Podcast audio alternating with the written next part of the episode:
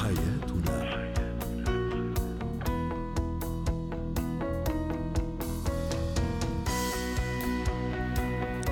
مستمعينا الكرام أهلا بكم معنا إلى برنامج حياتنا.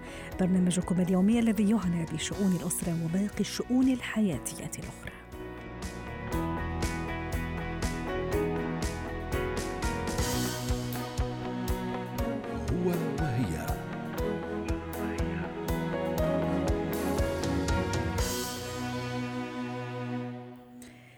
نتحدث اليوم عن بعض الطرق والأساليب البسيطة التي قد نستخدمها أو نتبعها لإظهار حبنا لعائلتنا سواء للأب للأم للزوج للزوجة وللأبناء. للحديث عن هذا الموضوع تنضم إلينا عبر الهاتف خبيرة التواصل الأسري سهام شريف. مساء الخير أستاذة سهام.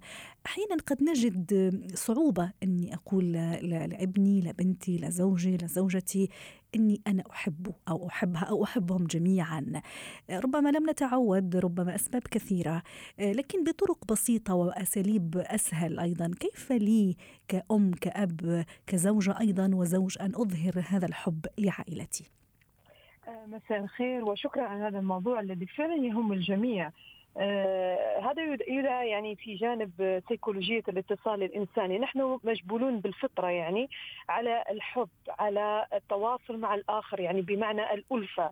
ولكن نعم. المشكلة مرات بعض السلوكيات اللي نشأنا في بعض البيئات التي لا تعبر آه عن الحب. آه ببساطة التعبير عن الحب بسيط جدا.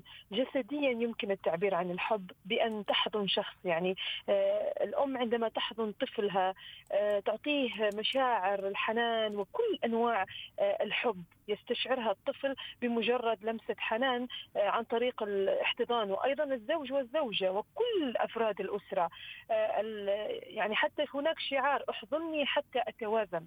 يعني هذه المشاعر اللي ربما إحنا ما نعرف نوصفها هي بسببها هرمون الأكسيتوسين وهو واحد من هرمونات الحب.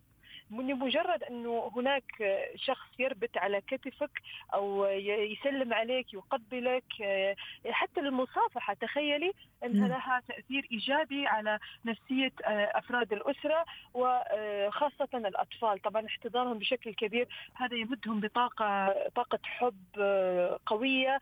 وأيضا بعدها يأتي التواصل اللفظي الذي البعض يعني يستصعبه.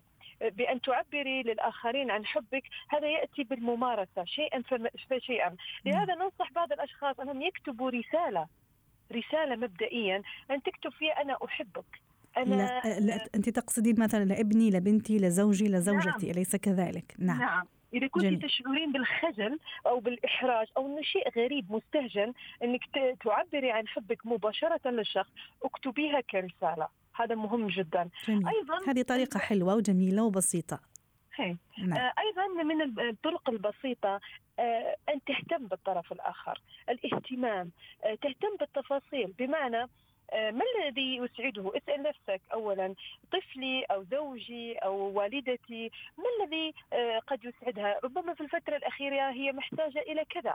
فأنت تحاول أن تساعد الطرف الآخر بأن تقدم له مثلا يد. المساعدة في شيء هو يرهقه. هنا يشعر هذا الشخص بلغة الحب أنك تريد أن ترفع عنه آه، ربما الألم، ربما التوتر، ربما آه، الشعور بالإرهاق والإجهاد، ومثل ما ذكرت هرمون الأكسيتوسين المضاد له هو هرمون الكورتيزول بسبب الإجهاد والقلق والتوتر، وحياتنا السريعه كلنا نشعر فيها بالإجهاد والتوتر. نعم. آه، لهذا مجرد انه هناك شخص يظهر لك الاهتمام هذا يخفف كثيرا عليك. نعم خاصة إذا كان هذا الشخص مثلا استاذه سهام مشغول أو مشغولة لكن يجد وقت للطرف الآخر سواء للزوج للزوجة للأبناء للأب للأم كما تفضلتي حضرتك أيضا ليعطيه جزء مهم من وقته. هذا أيضا رسالة ربما بسيطة وأسلوب بسيط يعبر عن حبي لعائلتي. عزيزتي مجرد أن تحضري وجبة آه، وجبة غذاء أو فنجان قهوة. ليس شرطا أمور صعبة ومعقدة. آه، وردة تقدم وردة. أيضا قضية التهاد وتحاب وهذا معروف عندنا كلنا أنه الهدية كم تترك من أثر إيجابي داخل نفسية أي شخص يعني. فلهذا أيضا تذكر يعني بدون مناسبة ليس شرطا في أعياد الميلاد والمناسبات الاجتماعية أن أقدم هدية بلا مناسبة. أنه أنا اخترت لك هذا هذا العطر الجميل احببت اني اشمه عليك مثلا إنه يا طفلي أنا اليوم جبت لك هذه اللعبة لإني أنا أحبك. تخيلي كم ستكون سعادة هذا الطفل أو هذه الزوجة أو هذا الزوج. آه هناك أيضا شيء في سيكولوجية الاتصال الإنساني وهو في غاية الأهمية الإنصات. أن تستمع جميل. للطرف الآخر. فقط تستمع لهذا الطفل وهو يحكي ربما نصف الكلام غير مفهوم غير واضح أكاذيب صغيرة. ولكن مجرد أنك توصتي إليه هذا بالنسبة له شيء عظيم و يعني شخصيته تتطور وتنمو بحب. وليس بالإكراه والإجبار. أيضا بين الأزواج معروف جدا أنه عملة الإنصات أصبحت نادرة. الكل يتحدث في نفس الوقت والكل يريد أن يسمع صوته فقط لا يريد أن يستمع إلى الآخرين. آه، الأمر أنه لأنه هناك سرعة في التعامل في حياتنا اليومية. مثل ما تفضلتي كلنا مشغولين ولدينا التزامات وكذا. فنريد من الطرف الثاني أن آه، يعني يختصر الكلام. يلا بسرعة تكلم اللي عندك وخلصني. ولكن هذا لا يحدث عادة خاصة خاصة إذا كنت عقلانية جدا أنه تكرر عليك هذا الكلام.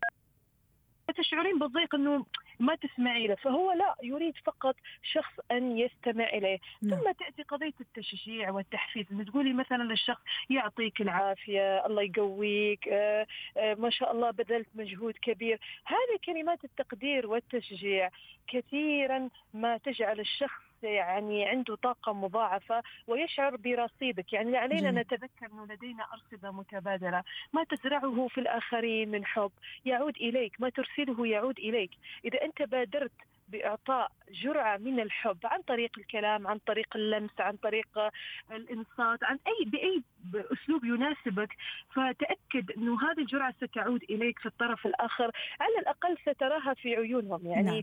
مشاعر نعم. الهدوء ستعم في المكان أهم جميل. شيء وحتى نختم أيضا استاذه سهام إنه إظهار الحب لعائلتي هو ليس بالمعجزة ليس بالأمر الصعب ولا بالأمر يعني الكبير ممكن نعمله زي ما تفضلتي زي ما حكينا اليوم بأساليب بسيطة جميلة حتى أظهر الحب لهذه العائلة نعم أستاذتي وهو السلوك يمارس علينا أن نتعلم كيف نحب حتى لو لم ننشأ في بيئة محبة أيوة وعليك أن تجتهد. أن نبدأ من جديد لأنه هي دورة سيكولوجية كما تفضلتي حضرتك في البداية أنا مثل ما شفت أهلي قبل مثلا 20 30 سنة سأعيد إنتاج نفس الطريقة وهلم جر أبنائي سيكونون أيضا بنفس الطريقة فيجب أن أعمل أنا هذا القطيعه أبدأ من جديد.